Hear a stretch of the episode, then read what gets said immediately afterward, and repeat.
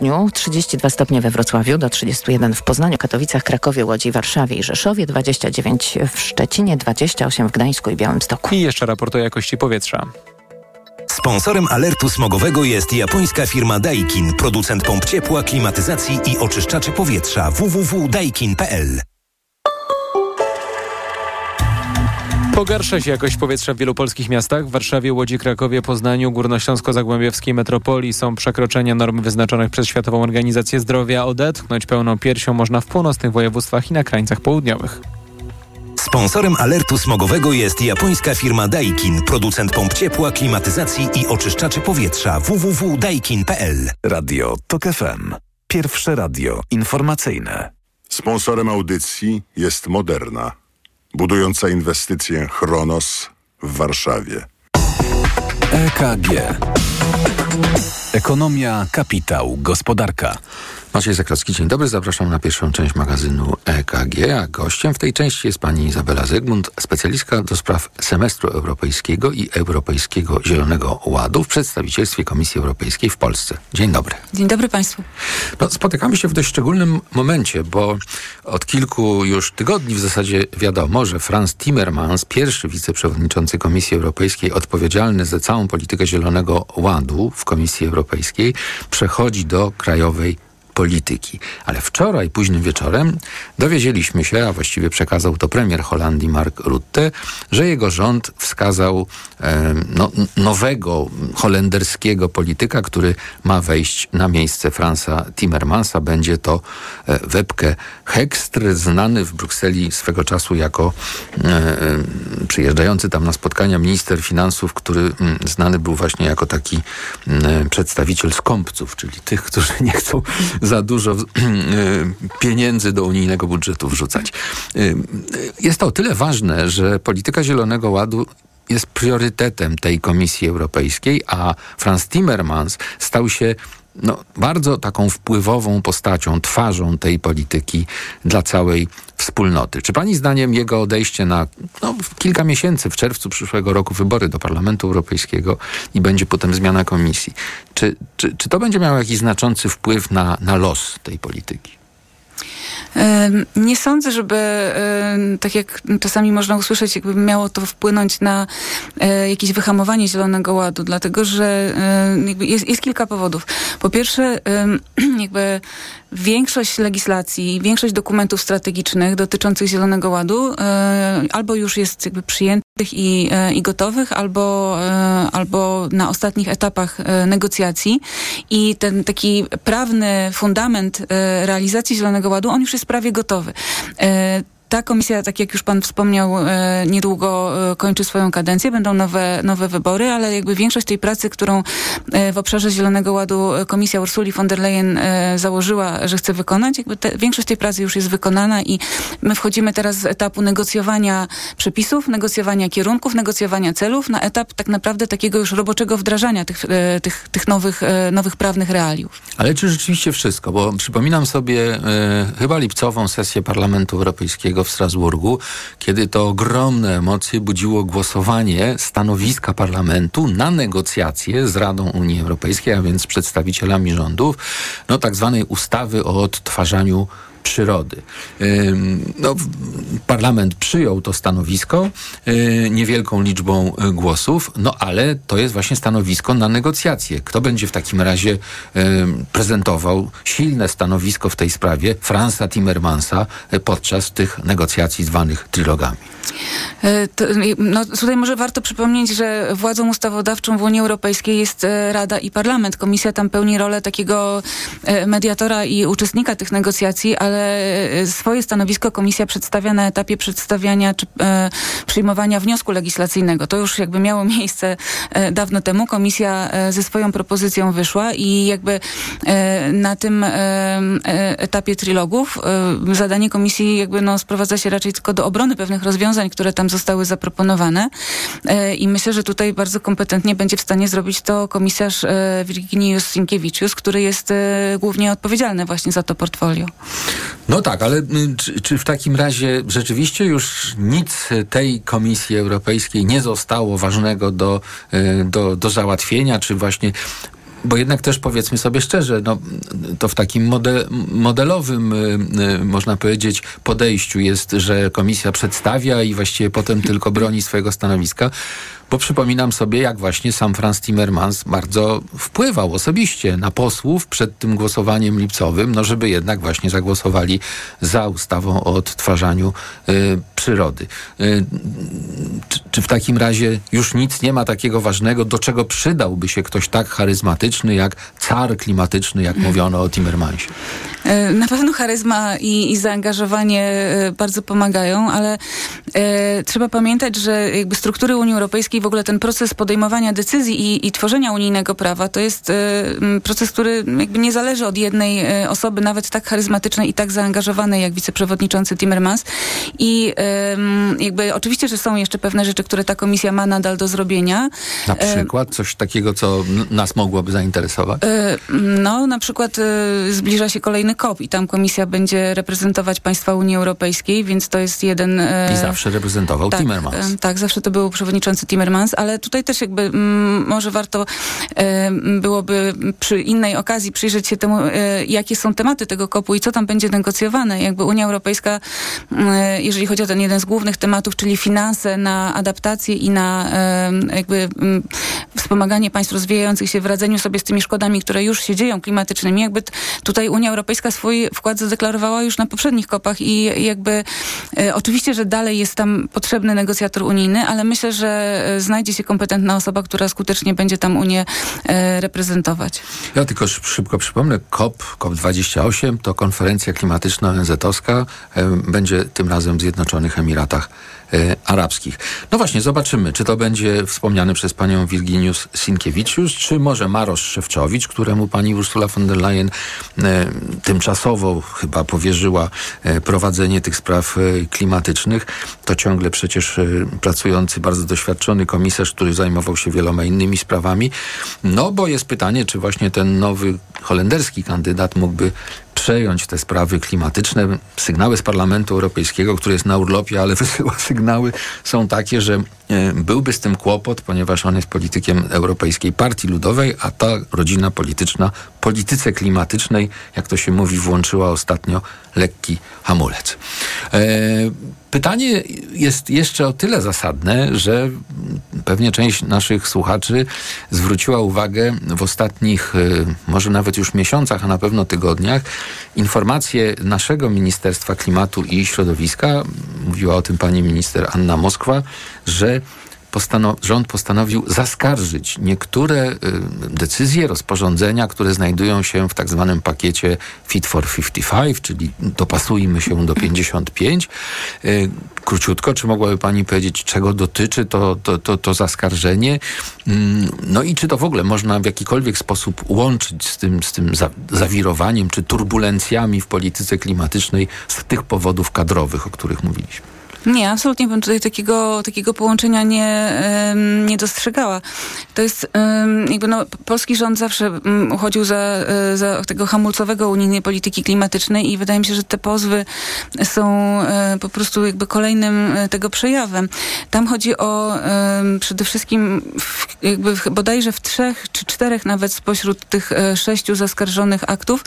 Jakby sprawa dotyczy tego, że Polska twierdzi, że Unia Europejska nie komisja, tylko Rada i Parlament, e, zastosowały niewłaściwą podstawę prawną, e, przyjmując te e, dokumenty. To znaczy, że były one głosowane większościowo, podczas gdy powinny być głosowane jednomyślnie, dlatego że dotyczą spraw, które wpływają na miks energetyczny, konkretnie Polski i miks energetyczny pozostaje wyłączną kompetencją państwa członkowskiego, więc powinna tutaj być jednomyślność. I to dotyczy y, kilku przepisów y, związanych z systemem handlu uprawnieniami do emisji. Y, dotyczy to tego zakazu rejestracji nowych samochodów spalinowych po 1935 y, roku i też jakby podobna argumentacja jest podnoszona, jeżeli chodzi o sektor użytkowania gruntów i jego wpływ na, na emisję i na klimat. No i tutaj jakby warto, znaczy ja nie, nie chcę wchodzić w motywy i, i powody polskiego rządu, ale chciałabym przypomnieć o jednej, o jednej rzeczy. Mianowicie bardzo podobny pozew Polska złożyła już raz w 2016 roku, zaskarżając utworzenie rezerwy stabilności rynkowej, czyli mechanizmu, który miał mówiąc najkrócej, podnieść e, ceny uprawnień do emisji i przyspieszyć odchodzenie od, e, od paliw e, kopalnych. Polska wtedy również uważała, że to zostało przyjęte na niewłaściwej podstawie prawnej. Podnosiła praktycznie te same argumenty, które jak rozumiem uzasadniają te, te obecne pozwy i tamten, tamten pozew został oddalony. Trybunał Sprawiedliwości wtedy uznał w 2018 roku, że przepisy ocenia się pod kątem ich celu i ich treści i że te przepisy są przepisami środowiskowymi. Środowisko jest wspólną kompetencją Unii Europejskiej, zatem e, legislatorzy mieli prawo przyjąć takie, takie przepisy. E, nie wiem, jakie konkretnie argumenty teraz są podnoszone, czy Polska ma mocniejsze argumenty, ale na podstawie tego, co wiemy z relacji prasowych, e, no wydaje się, że to jest po prostu ten sam argument, który raz już został przez Trybunał odrzucony. No z tym, że ta decyzja polskiego rządu oczywiście jest, pomijając aspekt polityczny, ma swoje konsekwencje. No, jest wiele sygnałów ze środowisk biznesowych, biznesowych, y, takich, które, no, można by powiedzieć, y, brzmią tak. Owszem, no, rząd zawsze ma prawo y, zwrócić się do Trybunału Sprawiedliwości Unii Europejskiej, natomiast w momencie, kiedy podjęte są jakieś decyzje na poziomie wspólnoty i one już stanow- określają pewien porządek prawny, no to biznes próbuje się do tego jakoś przystosować. No, teoretycznie sobie można wyobrazić sytuację, że rozpatrzenie tych skarg potrwa dość długo, no bo, no bo tak funkcjonuje Trybunał Sprawiedliwości Unii Europejskiej. No i też teoretycznie sobie można wyobrazić, że e, tam może dojść do jakichś zmian, czy mm, pewnych nawet elementów, jeśli nie, nie, nie, nie całych rozporządzeń związanych z pakietem Fit for 55. No ale to co? To jest sytuacja właściwie bez wyjścia, tak? Trzeba czekać.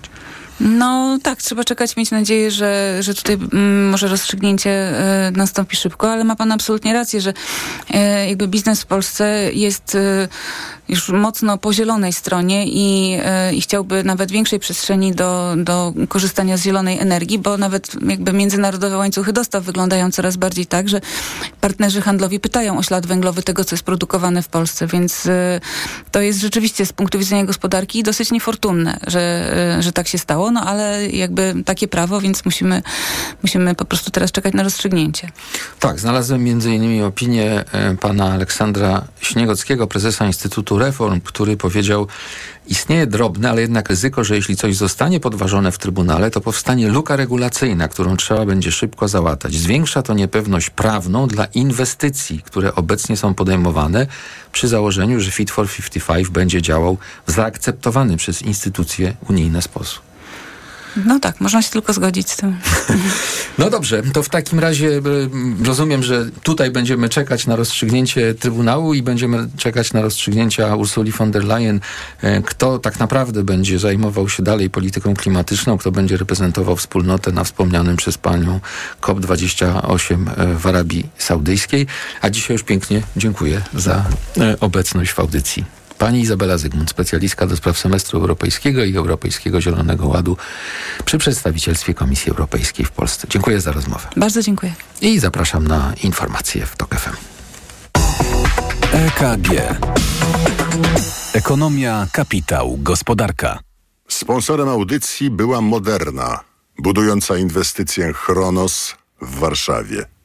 Widać wyraźnie, że w kwietniu ubiegłego roku nie chodziło o głodną Afrykę i Bliski Wschód, tylko przede wszystkim chodziło o wsparcie dużych koncernów międzynarodowych na Ukrainie w sprzedaży produktów żywnościowych, które czasowo były zablokowane przez blokadę na Morzu Czarnym. Miesiącami zapewnialiście, że wszystko jest pod kontrolą, że zboże z Ukrainy nie wjeżdża, że jest kontrolowane. Tymczasem wjechało zboże techniczne. To wy zafundowaliście dzisiaj Polakom, nam wszystkim, że jemy w naszym polskim chlebie chleb z mąki z mielonymi z robakami. Robakami, które przyjechały w zbożu technicznym.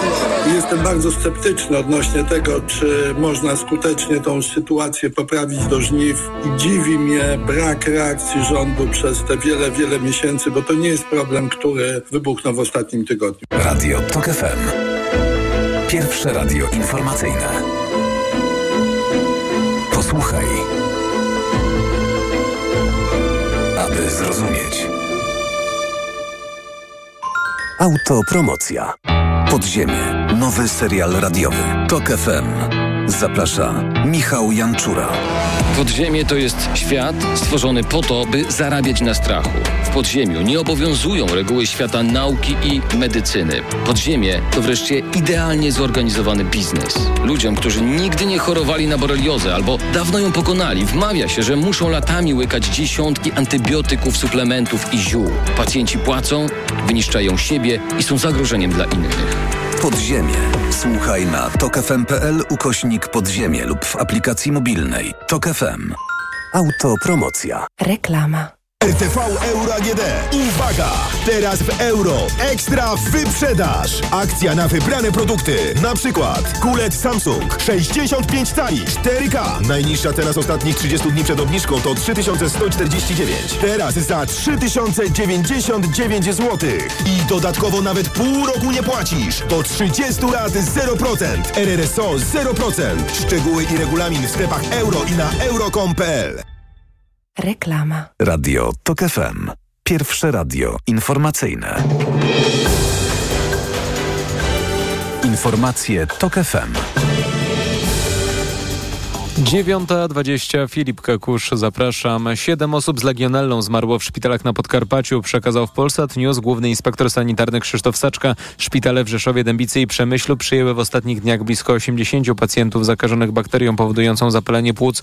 Jutro w Rzeszowie ma się rozpocząć dezynfekcja sieci wodociągowej. Wyniki badań próbek wody pobranych w tym tygodniu mają być znane w poniedziałek.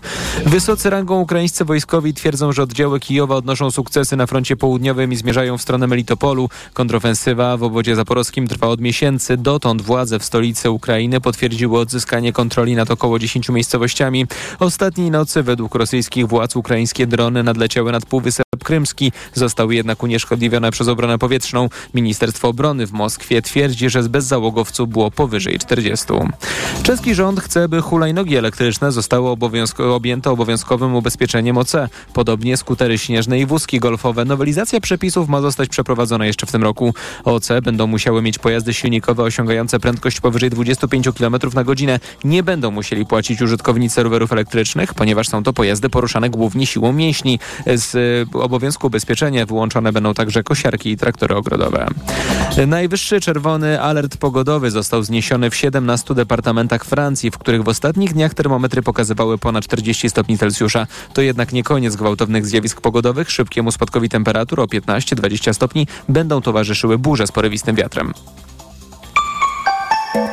Pogoda. W Polsce w zachodniej połowie kraju dziś również burze, także z gradem, do tego silne opady deszczu. Na południu i południowym wschodzie ostrzeżenia drugiego stopnia przed upałem. Miejscami temperatura może sięgnąć 33 stopni. 32 pokażą termometry we Wrocławiu, 31 w Krakowie i Rzeszowie, 30 w Warszawie, 29 w Szczecinie, 28 w Gdańsku, 27 w Białymstoku. Radio Tok FM. Pierwsze radio informacyjne. EKG. Ekonomia, kapitał, gospodarka. Maciej Zakrocki, dzień dobry ponownie. Zapraszam na drugą część magazynu EKG, a w niej jak zawsze w piątek komentatorzy, e, dziennikarze.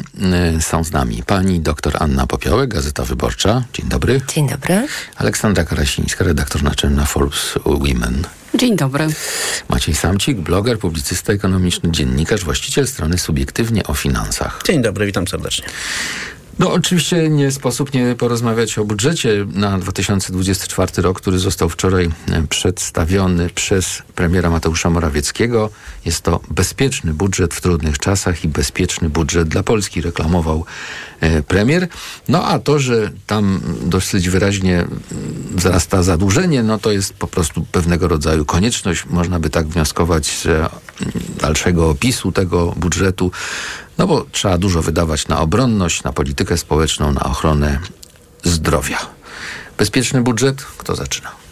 Niebezpieczny. Przede wszystkim nie wiadomo jaki, bo e, ani premier, e, ani pani ministra finansów nie powiedzieli, jaki mamy deficyt budżetowy. Nie padła kwota dziury budżetowej. I y, możemy się, możemy tylko spekulować, jak bardzo państwo jest zadłużone, w jakim, w jakim stanie są finanse publiczne. Więc tak naprawdę mm, wiemy, że będą zwiększone wydatki. BI chyba policzył, że że ten deficyt ma wynieść 164 miliardy złotych. To jest dwa razy więcej bodajże niż w zeszłym roku.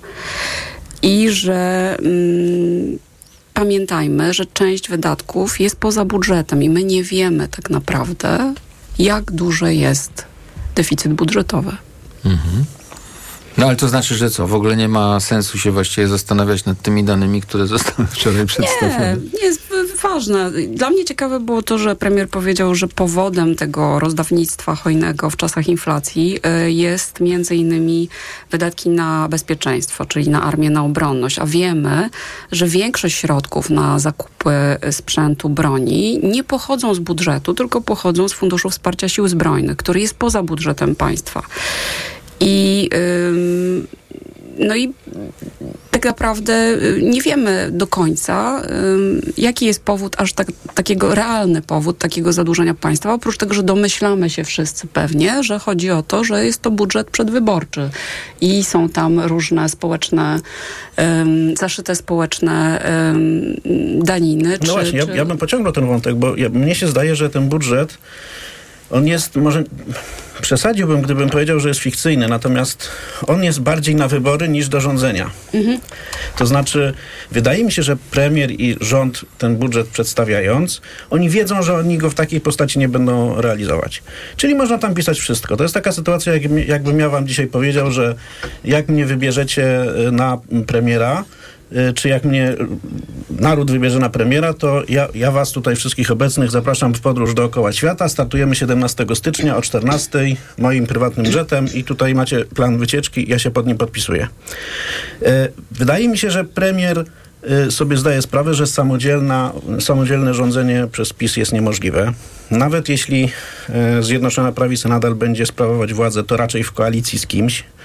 Więc y, to, co dzisiaj pokazuje jako budżet, na pewno będzie zrewidowane. Albo będzie w opozycji, więc siłą rzeczy nie zostanie zrealizowane, albo będzie y, musiało podlegać bardzo silnym korektom wynikającym z tego, że powstanie jakiś rząd koalicyjny.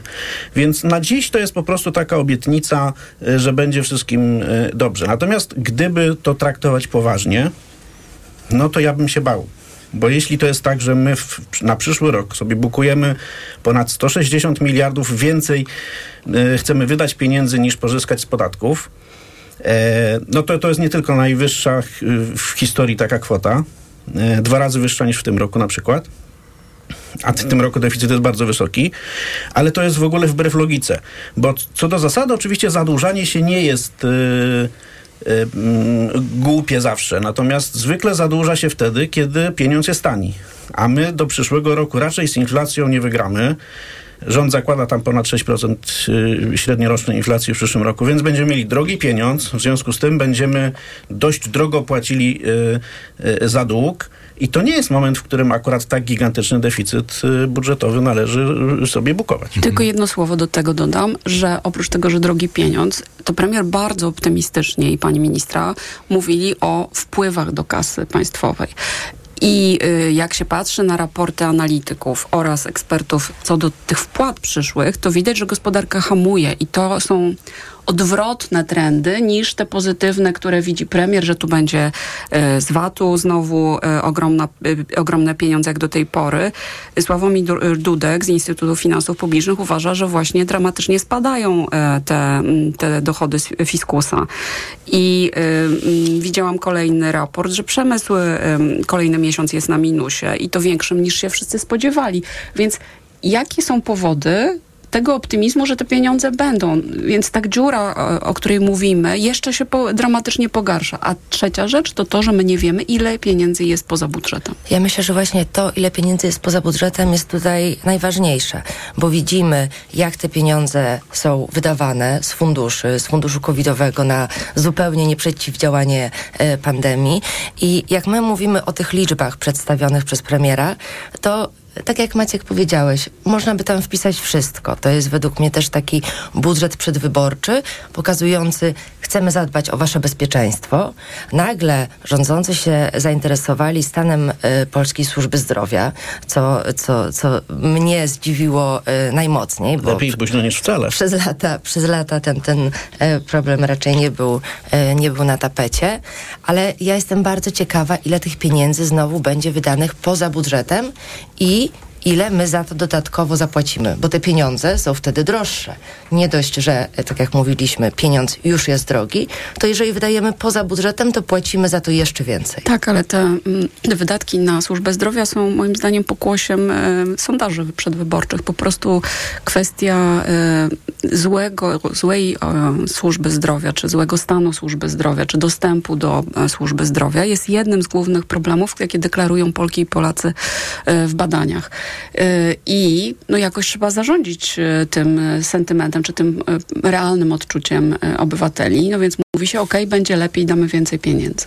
No, no tylko tak. przypomnę, pan premier mówił 158 miliardów na obronność, 137 na politykę społeczną, a na ochronę zdrowia 190 miliardów.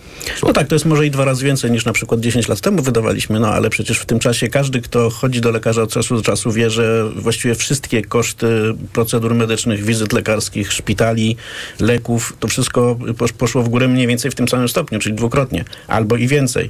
Więc te, te 190 miliardów to oczywiście z punktu widzenia kogoś, kto e, no, zarabia kilka tysięcy złotych miesięcznie, to są gigantyczne pieniądze, tak? I można odnieść wrażenie, że, że, że, że jak rząd położy te 190 miliardów to nagle się skończą kolejki do lekarzy, e, ale tak szczerze mówiąc, no to my tak naprawdę, to my, to my dopiero doganiamy ten wzrost kosztów ochrony zdrowia, który do tej pory zaniedbaliśmy. Czyli to te 190 miliardów, nawet gdyby to się dało wydać, nawet gdyby się dało w miarę tanio pożyczyć te pieniądze na rynku, e, to, to po pierwsze pytanie, jak to będzie wydawane, tak? Bo to, to czego nam dzisiaj brakuje, to są lekarze yy, i to jest polityka taka profilaktyka, tak? Żebyśmy wcześniej wykrywali choroby i żeby ich leczenie było dzięki temu tańsze.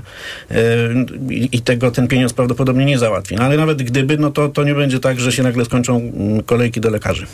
No, mhm. Na pewno o problemach polskiej służby zdrowia można mówić yy, długo, ale to też nie są tylko koszty, tylko też zarządzanie tymi pieniędzmi. I, i eksperci z, z zajmujący się um, służbą zdrowia zwracają uwagę, że nie wystarczy dosypać dodatkowych e, miliardów do systemu, tylko trzeba ten system uporządkować, żeby on działał, e, działał efektywnie. No a teraz, no to tak jak mówiłeś, wszyscy widzimy, e, jakie są kolejki do lekarzy, jakie, jakie są standardy. E, ciężko, ciężko bez pieniędzy y, chorować, tak? Jeżeli nie możemy sobie... Nawet z pieniędzmi już coraz trudniej. Jeżeli nie możemy sobie pozwolić na prywatną służbę, służbę zdrowia. Ten piątkowa audycja zwykle też odnosi się do wydarzeń tygodnia i tutaj rzeczywiście już y, Aleksandra Krasińska wspomniała o tym, że pojawiały się w tym tygodniu y, różnego rodzaju dane, które pokazują no albo, jak to niektórzy mówili, recesję techniczną, prawda, że znaleźliśmy się w tym momencie. Pani minister finansów Magdalena Rzeczkowska wczoraj przyznała, że PKB rośnie nieco wolniej i rząd zakłada, że w całym roku ten wzrost będzie 0,9.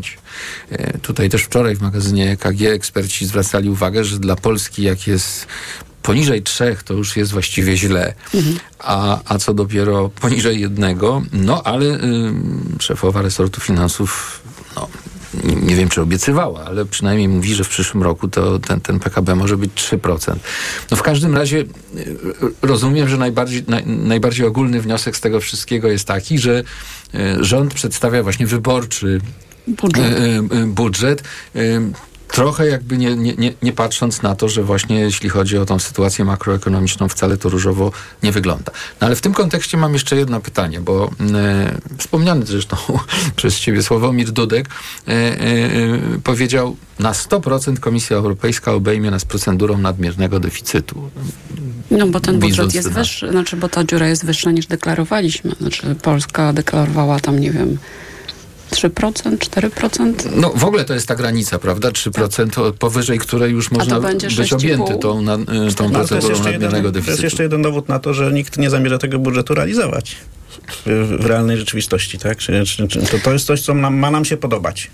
Ma, ma, ma wywołać rzeczywiście poczucie bezpieczeństwa. Tak? To, to oczywiście trochę fałszywe, bo, bo to jest tak naprawdę pożyczymy 160 miliardów złotych na wysoki procent y, i wydamy te pieniądze niestety w większości z konieczności na żelastwo kupowane w, w Stanach Zjednoczonych, w Korei, i w innych miejscach, czyli właściwie będziemy za te pieniądze, które pożyczymy drogo, zasilać głównie y, y, budżety innych państw. Tak? No to jest ta główna obietnica. To nie brzmi dobrze, natomiast no, oczywiście ten oficjalny przekaz jest trochę inny, tak? I, I, chyba o ten oficjalny przekaz y, chodzi dzisiaj.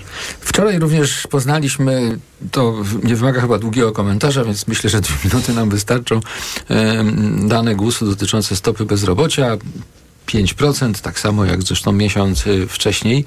Oczywiście rządzący wykorzystują te, te, te informacje również do swojej mm, kampanijnej propagandy, mówiąc o y, znakomitym stanie polskiego rynku pracy. Tylko ja zupełnie nie rozumiem, dlaczego właśnie to nie jest jakoś kontrowane, że w, moim przynajmniej zdaniem w największym stopniu ta niska stopa bezrobocia wynika z sytuacji demograficznej, a nie z dobrze funkcjonującego rynku pracy. Czy się, czy się mylę? To prawda, to prawda. To znaczy jest jakiś nawet mikro wzrost zatrudnienia w lipcu e, i to bezrobocie jest na niskim poziomie, a z drugiej strony ja czytałam taki raport, że co prawda jest niskie bezrobocie, a z drugiej strony też trudno znaleźć pracę, bo też przedsiębiorstwa e, weszły w taki tryb przeczekania. Znaczy zobaczymy, co będzie do jesieni, tak? Zobaczymy, jaka będzie inflacja, zobaczymy, jakie będą wybory, zobaczymy, co się będzie działo na świecie, jeśli chodzi o ogólną sytuację gospodarczą. Więc więc to nie jest wcale taki e, dobry rynek e, pracownika. Mm, tym bardziej, że no, wiecie, ja nie chcę zacząć tutaj wielkiej w dwie minuty debaty o demografii i o tym, że Polki nie chcą rodzić i dlaczego, ale y, to jest głębszy problem i to nie jest problem, który rozwiążemy przed wyborami albo na, nawet po wyborach. Firmy dzisiaj nie zatrudniają nowych pracowników, starają się utrzymać tych, których mają. E, starają się ograniczyć e, podwyżki, a te dane, które GUS podaje na temat rynku pracy między innymi, ale też e, i innych parametrów dotyczących zatrudnienia, na przykład wysokości pensji, one jednak nie, nie, nie pokazują całej gospodarki. To jest jednak jedna trzecia w porywach do połowy gospodarki. Dużo rzeczy głównie niefajnych dzieje się niestety w tych najmniejszych firmach, w tych, których GUS nie monitoruje tak dokładnie albo w ogóle nie monitoruje, więc wydaje mi się, że, że tutaj, te, te, jeśli, jeśli mówimy o rynku pracy i o wynagrodzeniach, to my jesteśmy w nieco gorszej sytuacji, czy w znacznie gorszej niż to pokazują oficjalne dane. No, no te wynagrodzenia chyba są, są głównym problemem, a nie miejsca pracy. Y, tylko dodam, że nawet nie tyle y, firmy nie, nie, nie zgłaszają, że chcą zatrudniać, ale jak y, podał wczoraj GUS w tym komunikacie. 137 pracodawców zadeklarowało zwolnienie w sumie 18 tysięcy pracowników.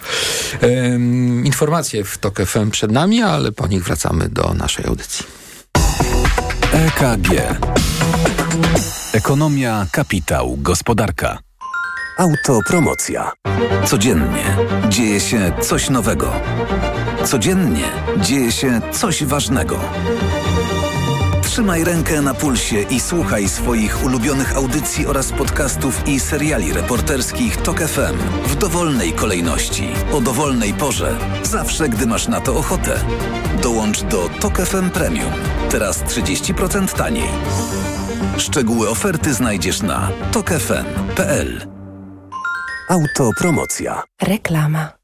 Przygotuj się na nowy start z MediaMarkt. Laptop gamingowy Lenovo IdeaPad 3 z kartą graficzną RTX 3050 Ti za 4299 zł. Najniższa cena z 30 dni przed obniżką to 4499 zł. MediaMarkt. Hity stokrotki. Super promocja z aplikacją. 3,49. Tylko tyle zapłacisz za idealne do kanapek i wypieków masło ekstra łaciate, jeśli kupisz trzy kostki. Stokrotka. Ekstra aplikacje mamy. Pobierz i oszczędzaj. Ale schudłaś. Stosuję tabletki na wątrobę Hepa Slimin. Wątroba spisuje się wspaniale. Hepa Slimin wspomaga też utrzymanie smukłej sylwetki. To tylko dodatek. To ja też będę brać Hepa Slimin. Suplement diety Hepa Slimin w trosce o wątrobę i smukłą sylwetkę. Mate pomaga w utrzymaniu prawidłowej masy ciała, a cholina wspiera funkcjonowanie wątroby. Aflofarm. Problemy ze snem dotykają coraz więcej osób. Dlatego warto umieć sobie z nimi radzić. Zawarta w suplemencie diety Positivum Sen melatonina ułatwia szybsze zasypianie, a wyciąg z szyszek chmielu pomaga zachować spokojny sen. Positivum Sen. Polecam. Ewa Gawryluk. Aflofarm. Zakupy robię w Lidlu, bo to się opłaca. Już od czwartku olej wielkopolski 1 litr w super cenie 5,79 za butelkę. Tak, tylko 5,79 za butelkę. Coca-Cola 2 litry tylko 23,96 za czteropak, czyli 5,99 za dwulitrową butelkę w czteropaku. A polskie arbuzy cena przed obniżką 4,99 za kilogram. A teraz z aplikacją Lidl Plus aż 44% taniej. Tylko 2,79 za kilogram. Szczegóły promocji w aplikacji Lidl Plus. Znów mam infekcję intymną. Ja to mam pH. Tak, możesz mieć za wysokie pH pochwy, co sprzyja infekcjom. Zastosuj Iladian Direct Plus. Iladian Direct Plus przywraca i utrzymuje fizjologiczne pH pochwy, dzięki czemu zapobiega nawrotom infekcji. Iladian Direct Plus. Zapomnij o infekcjach intymnych. Pomocniczo w leczeniu oraz w profilaktyce bakteryjnego, grzybiczego lub mieszanego zapalenia pochwy, w łagodzeniu suchości i uczucia napięcia błony śluzowej pochwy. Aflofarm to jest wyrób medyczny. Używaj go zgodnie z instrukcją używania lub etykietą. Jako dietetyk zawsze podkreślam, że u osób starszych nawet ciepły dzień to duże ryzyko odwodnienia organizmu. Dlatego o tej porze roku polecam codzienne stosowanie elektrolitów Hydrooptima Senior. Suplement diety Hydrooptima Senior ma niską zawartość sodu i glukozy, co ma szczególne znaczenie dla osób z nadciśnieniem i podwyższonym poziomem cukru. Dodatkowo zawarty wyciąg z vitis vinifera wspomaga krążenie. Hydrooptima Senior to skuteczny i bezpieczny sposób na nawodnienie organizmu osób starszych. Hydrooptima Senior. Aflofarm. Tyle teraz słychać o wszawicy. Co robić? Zuzia też złapała, ale kupiłam w aptece sprawdzony lek. Sora Forte. Sora Forte? Tak, to jedyny taki szampon leczniczy. Jest łatwy w użyciu i już po 10 minutach zwalcza wszy. Soraforte. Ekspresowy lek na wszawicę. Soraforte. Permetriną 10 mg na mililitr. Wszawica głowowa u osób w wieku powyżej 3 lat. Przeciwwskazania na wrażliwość na którąkolwiek substancję. Inne piretroidy, pyretryny. Aflofarm. Przed użyciem zapoznaj się z treścią lotki dołączonej do opakowania, bądź skonsultuj się z lekarzem lub farmaceutą, gdyż każdy lek niewłaściwie stosowany zagraża Twojemu życiu lub zdrowiu. Gdzie tanie lato na bogato mam? W Kauflandzie. Od czwartku kabanosy ekskluzyw tarczyński, wybrane rodzaje, opakowanie 105 gramów, 4,99, a lody Manhattan, różne smaki, 12,99. Idę tam, gdzie wszystko mam. Kaufland. Reklama. Radio TOK FM. Pierwsze radio informacyjne. Informacje TOK FM. 9.40 Filip Kakusz, zapraszam. Spółka PKP Polskie Linie Kolejowe powołała specjalny zespół, który monitoruje ruch pociągów po wczorajszych wydarzeniach na torach. Tylko jednego dnia doszło do trzech wypadków. Dwa składy, jeden osobowy, jeden towarowy, wykoleiły się w Białymstoku i Poznaniu. Z kolei w okolicach Skierniewic doszło do zderzenia pociągu kolei mazowieckich i pociągu towarowego. Nikomu nic się nie stało, ale wciąż trwa usuwanie skutków tych zdarzeń. Największe media w Estonii wezwały do dymisji premier Kaje Kallas. Oskarżyły ją o hipokryzję w związku z działaniami jej męża, który ma związki z rosyjskim biznesem, interesy kontynuuje mimo ataku na Ukrainę. Dziennikarze oskarżają Kallas, która wielokrotnie wzywała do zakończenia współpracy gospodarczej z Rosjanami o hipokryzję. Po tym jak telewizja publiczna poinformowała w środę o powiązaniach męża premier Kallas, ona sama wciąż nie odniosła się do tych informacji. Słuchasz informacji TOK FM. Donald Trump formalnie aresztowany w Atlancie w stanie Georgia. Były prezydent oskarżony o udział w grupie, która miała odwrócić wyniki wyborów w tym stanie. Wpłacił 200 tysięcy dolarów kaucji wyszedł na wolność i powtórzył, że ostatnie wybory były sfałszowane.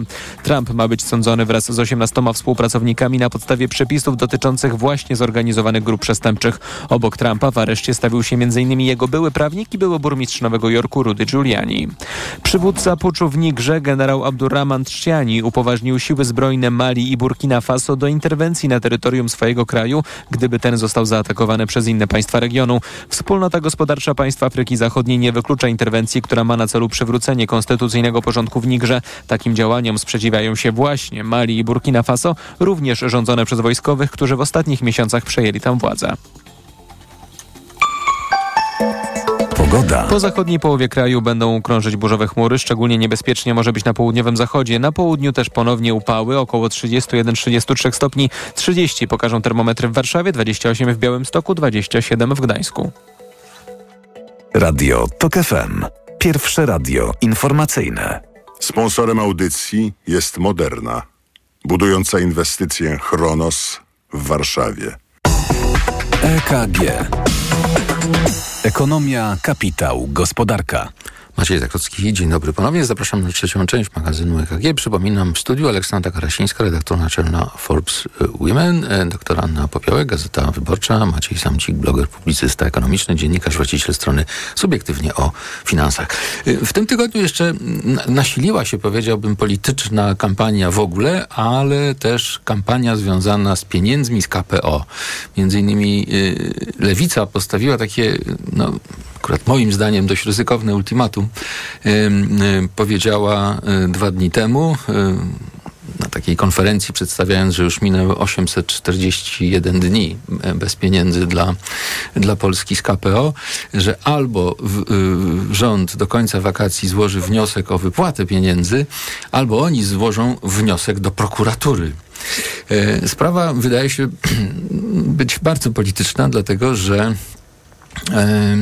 rząd nie może złożyć wniosku o, o, o, wypłaty, ponieważ nie wypełnił tak zwanego dużego kamienia milowego. I, I, sprawa jest, I sprawa jest w Trybunale Konstytucyjnym, e, e, obecnym Trybunale, więc może Lewica złoży wniosek do prokuratury, nie wiem, o, o to, że hmm, Trybunał Konstytucyjny podnosi sobie wynagrodzenia, a nie jest w stanie się zebrać, żeby załatwić tę sprawę.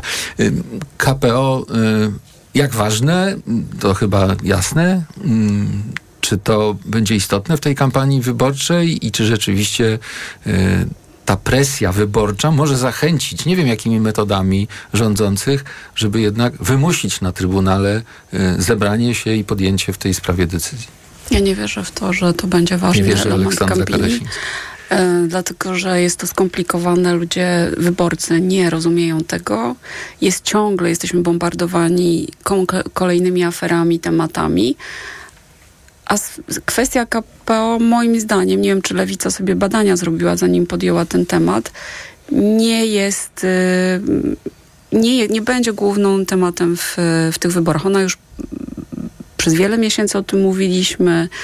Y, był nacisk różnych środowisk i środowisk biznesowych, i mediów, i no, był po prostu i rząd tutaj widać, że nie przejmuje się tym, pewnie zrobili sobie badania i uważają, że to nie będzie sprawa, która będzie decydująca, ale tak realnie, no to oczywiście to jest skandal i dobrze, że ktoś o tym mówi.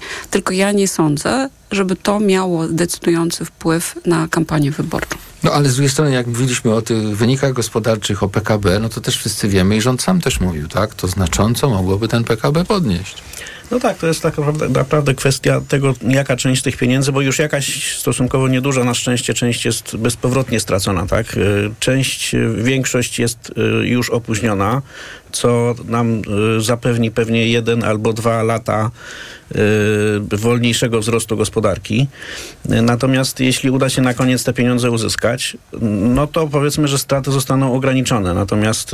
No, Ale wierzysz, to... że zostaną, wiesz, że cofną demolkę sądów? To znaczy, tak, to jest główne ryzyko. To znaczy, sama wynik wyborów, jeśli będzie korzystny dla strony demokratycznej, to będzie pierwszy krok, natomiast to nie spowoduje, że mm, te wszystkie kamienie milowe da się następnego dnia spełnić i pieniądze z Unii Europejskiej wziąć. Ale niestety Polak, przeciętny Polak to zrozumie. Yy, yy, no, ta, większość Odczuje. powiedzmy, tak? Jak poczuje w kieszeni, a poczuje w kieszeni wtedy, kiedy rząd nie będzie już w stanie nigdzie pożyczyć po racjonalnych, yy, przy racjonalnych odsetkach pieniędzy po to, żeby mu wypłacić 800 plus. E, po prostu nie będzie w stanie. No bo dziś jesteśmy w sytuacji, w której jesteśmy w stanie pożyczać pieniądze. Drogo, bo drogo, ale, jest, ale, ale mamy dość dużą wiarygodność na rynkach międzynarodowych. Natomiast nie wiem, jak się okaże za 2-3 lata, że wszędzie jest inflacja 3%, yy, są realnie dodatnie stopy procentowe, czyli jak ktoś ulekuje w obligacje jakiegoś kraju, to, to jest na tym realnie do przodu, a w Polsce będziemy mieli wysoką inflację, wysokie stopy procentowe i będziemy musieli drogo pożyczać pieniądze. Y, płacić na przykład 100 miliardów złotych rocznie odsetek y, od obligacji, no to, to, to wtedy będzie już mm, realne ryzyko, że, że po prostu te pieniądze nie dojadą do kieszeni Polaków i wtedy się wszyscy zaczniemy zastanawiać, a co się stało, dlaczego, dlaczego one nie dojechały? Gdzie są te pieniądze z Unii w ogóle? Sprawa jest o tyle poważna, że nawet jeżeli by, tak jak mówisz, doszło do y, zmiany y, obozu rządzącego w Polsce i, i, i, nowy obóz, ten prodemokratyczny, chciałby przywrócić y, zasady praworządności, no to jeszcze nie zapominajmy, że w tej chwili chodzi o konkretną ustawę, która leży w tymże Trybunale, którą tam wysłał pan prezydent Andrzej Duda. A pan prezydent Andrzej Duda nie kończy kadencji w tym roku. Trybunał będzie ten sam i prezydent będzie ten sam po wyborach. Więc to naprawdę, jak się weźmie pod uwagę, to odkręcenie tego rzeczywiście wygląda na e, dość e, skomplikowany proces. Sceptyczna doktor Anna Popiołek. E, no to skoro, skoro aż tak bardzo sceptyczna, to ja tylko szybko powiem, co się dzieje na rynku walut. Frank szwajcarski 4,68, euro 4,47, funt 5,21, dolar 4. 14, a giełda papierów wartościowych na lekkim minusie, minus 0,72 e, WIG 20. No a teraz tradycyjna część, trzeciej części magazynu EKG. EKG.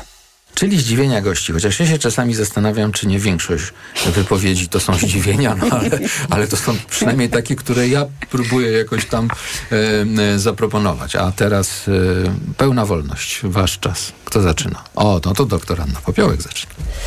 E, ja jestem bardzo zdziwiona kampanią e, billboardową banku PKO, czyli drugiego największego banku mm, w Polsce, który jest też w rękach mm, państwa. Żubra? Żubra, a mianowicie, y, a mianowicie zdziwiłam się, że tutaj bank y, PKO mm, na wielkich billboardach pisze o rządowym pro, y, programie, zachęca do zaciągania bezpiecznego kredytu 2%.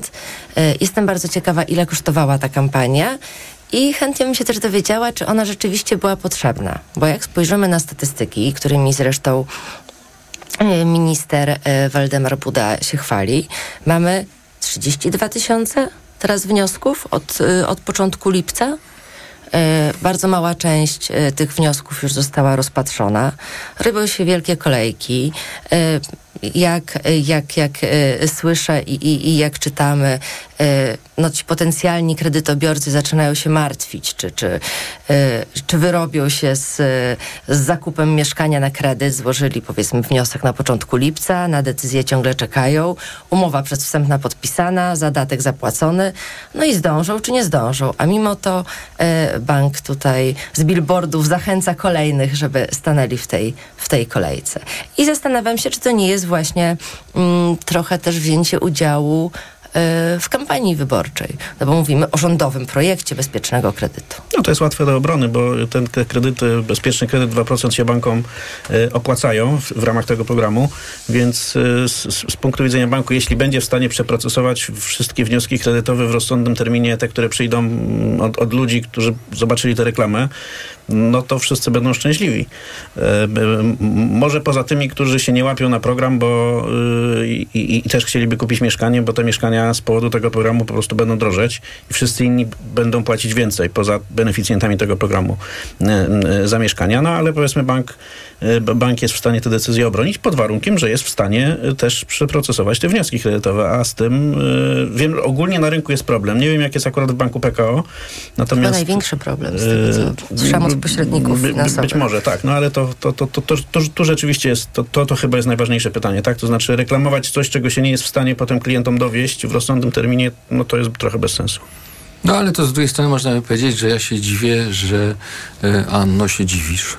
E, dlatego, że już od tygodni słyszymy, prawda, że no, nierówna będzie ta kampania z punktu widzenia możliwości reklamowania poszczególnych podmiotów, które będą w tych wyborach startowały, bo nie tylko ta firma powiązana jakoś ze skarbem państwa e, w różnych formach reklamy właśnie zwraca uwagę, że realizują postulaty tej ekipy rządzącej. No już nie mówiąc o włączaniu na przykład Orlenu do y, różnego rodzaju działań, które mają ratować jakieś sytuacje, prawda, y, firm, które przeżywają kłopoty. No. Także no, tak to niestety chyba będzie wyglądało. Ja się nie dziwię. A wiecie co, ja się, ja się dziwię, że kiedy my tutaj się obserwujemy przepychanki polskiego rządu z Brukselą w sprawie polityki klimatycznej i y, całego tego pakietu FIT, FIT 455, czyli handel emisji, czyli um, chociażby Polska nie chce tych zakazu rejestracji starych pojazdów spalinowych, wycinania drzew, tak, i tak dalej, i tak dalej, w ogóle redukcji gazów cieplarnianych, które wszyscy, wiecie, jak tu siedzimy, nie musimy powiedzieć dlaczego to jest konieczne. To w Stanach Zjednoczonych była debata republikanów telewizyjna na żywo, kandydatów na prezydenta. I bez Trumpa, co prawda. Bez no, ale... Trumpa, ale była. I była moim zdaniem jakoś ciekawa i była warta zauważenia, bo kiedy dziennikarz zadał pytanie, czy kto z was uważa, podnieście rękę, kto z was uważa, że zmiany klimatyczne obecne, które obserwujemy, są wynikiem działań człowieka, żaden z nich nie podniósł ręki. Czyli nie są pewni. Jeszcze. Chyba są pewni, że nie. Znaczy, słuchajcie, no to było dla mnie porażające. Porażające. Żaden z tych kandydatów, nawet DeSantis, nie podniósł ręki. Ale to u nas też wychodzi, bo w tej rozmowie y, y, pierwszej, z pierwszej części to wyszło, że polski biznes jest już przekonany, że w ten zielony ład trzeba iść. Że po prostu i, i nie da się inaczej finansować inwestycji, nie da się sprzedawać na zachód tych rzeczy, które się produkuje, jeśli się nie udowodni, że one są y, zielone jakby zapytać polskiego konsumenta, to moim zdaniem wyszłoby coś zupełnie odwrotnego. Polski konsument chce nadal móc kupować y, stare samochody z zachodu, bo są tanie i polski konsument bardzo nie chce, żeby y, miał dodatkowe koszty przystosowania swojego domu do różnych wymogów, nie wiem, ocieplania, tak, tych wszystkich standardów, które są szykowane, y, co, co miało być częścią tego Zielonego Ładu. I tu to, myślę, to tak na marginesie też jest dziwne, prawda? No bo przecież jeżeli w taki czy inny sposób dojdzie do, nie wiem, poprawy energooszczędności budynku, no to on będzie mniej płacił, tak? No Ale tak. taki przekaz, taki przekaz jest z góry. Jeżeli Polska się sprzeciwia, nie chcemy y, iść w, w, w Zielony Ład, tak? Sprzeciwiamy się. Mówimy o suwerenności w ogóle, tutaj tak rząd mówi. Argumentem e, wobec tej polityki jest brak suwerenności. Na tę suwerenność jest też nałożona suwerenność nasza osobista, to znaczy my chcemy mieć prawo robienia tak, jak nam się podoba. Tak, no i mieszkańcy Polski widzą, możemy się sprzeciwić, możemy nadal sobie jeździć swoimi możemy samochodami, możemy nie remontować y, domów.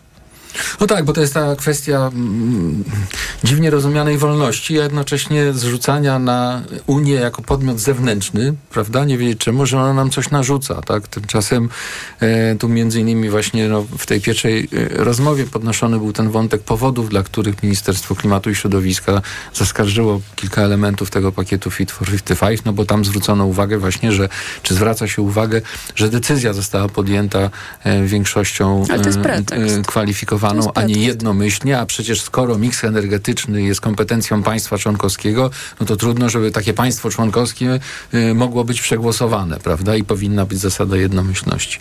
No tak, oczywiście, że pretekst, no ale, no ale co zrobić? Y, Maciej Samcik.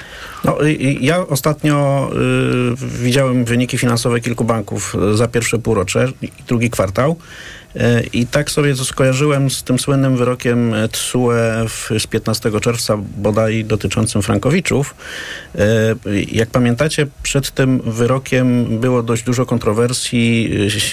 Świat bankowy, no i też do pewnego momentu nadzór finansowy zapowiadał, że to może być bardzo zły, bardzo kosztowny i brzemienny w skutki wyrok, że koszty mogą iść w dziesiątki e, miliardów złotych i e, i że niektóre banki mogą stracić e, stabilność i stanąć na krawędzi bankructwa. No i tak patrzę na wyniki finansowe, które co, co prawda są, no one są za dwa kwartały, czyli do końca czerwca, czyli już po tym wyroku i tam no te dwa największe frankowe banki co prawda mają albo minimalny zysk, albo, e, albo brak zysku, a pozostałe banki są na plusie. Widać, że te banki by, by bardzo e, zwiększyły swoje dochody. M-Bank, o ile pamiętam, z 4,3 miliarda złotych do 5 miliardów e, w, w ciągu ostatnich 4, 4, 4 kwartałów zwiększył swoje mm, dochody. Wydaje się, że końca świata nie będzie. Mm, natomiast no, y, dziwi mnie cisza, która wokół tego y, tematu zapadła, bo, bo szczerze mówiąc nie wiem teraz, czy te banki jeszcze są zagrożone, czy już nie, czy to już jest nieaktualne. No, z wyników finansowych nie wynika, żeby jakaś katastrofa była, ale może być też tak, że większość tych rezerw trzeba będzie utworzyć dopiero jak przyjdzie biegły rewident, a on analizuje wyniki na koniec roku. I wtedy dopiero mm, powie, o tutaj macie te rezerwy niedoszacowane, ponieważ wyrok i tak dalej, i tak dalej. Może też być tak. No, z drugiej strony to oczywiście w jakimś sensie trzymamy kciuki za banki, no bo bez nich tak jest. trudno sobie wyobrazić funkcjonowanie gospodarki państwa. Budżet i tak jest tak. napięty. Nie pomoże, nie, nie, nie, nie zniesie ratowania banków jeszcze. Bardzo Wam dziękuję za dzisiejsze spotkanie i komentarze. Przypomnę, byli z nami dr Anna Popiołek, Gazeta Wyborcza. Dzięki. Dziękuję. Aleksandra Karasińska, redaktor naczelny Forbes Women. Maciej Samcik, bloger, publicysta ekonomiczny, dziennikarz, właściciel strony Subiektywnie o Finansach. Dzięki Bardzo dziękuję. Podziękowania też do Natalii Banaczek, która audycję e, przygotowała, Liwii Prądzyńskiej, która ją zrealizowała. Po informacjach o 10 audycja OFF Czarek. Pierwszym gościem Cezarego Łasiczki będzie pan profesor Piotr Śliwiński, kierownik Zakładu Poetyki i Krytyki Literackiej Uniwersytetu imienia Adama Mickiewicza w Poznaniu. A ja z Państwem usłyszę się jeszcze dzisiaj, zaraz po 23, w podsumowaniu politycznych wydarzeń w Polsce i na świecie tego tygodnia. Zatem do usłyszenia. EKG. Ekonomia, kapitał, gospodarka. Sponsorem audycji była Moderna, budująca inwestycję Chronos w Warszawie. TOK 360. Najważniejsze informacje, najświeższe komentarze, najbardziej aktualne doniesienia reporterów TOK FM. TOK 360. Punktualnie o 18. Zapraszam dziś Wojciech Muzal.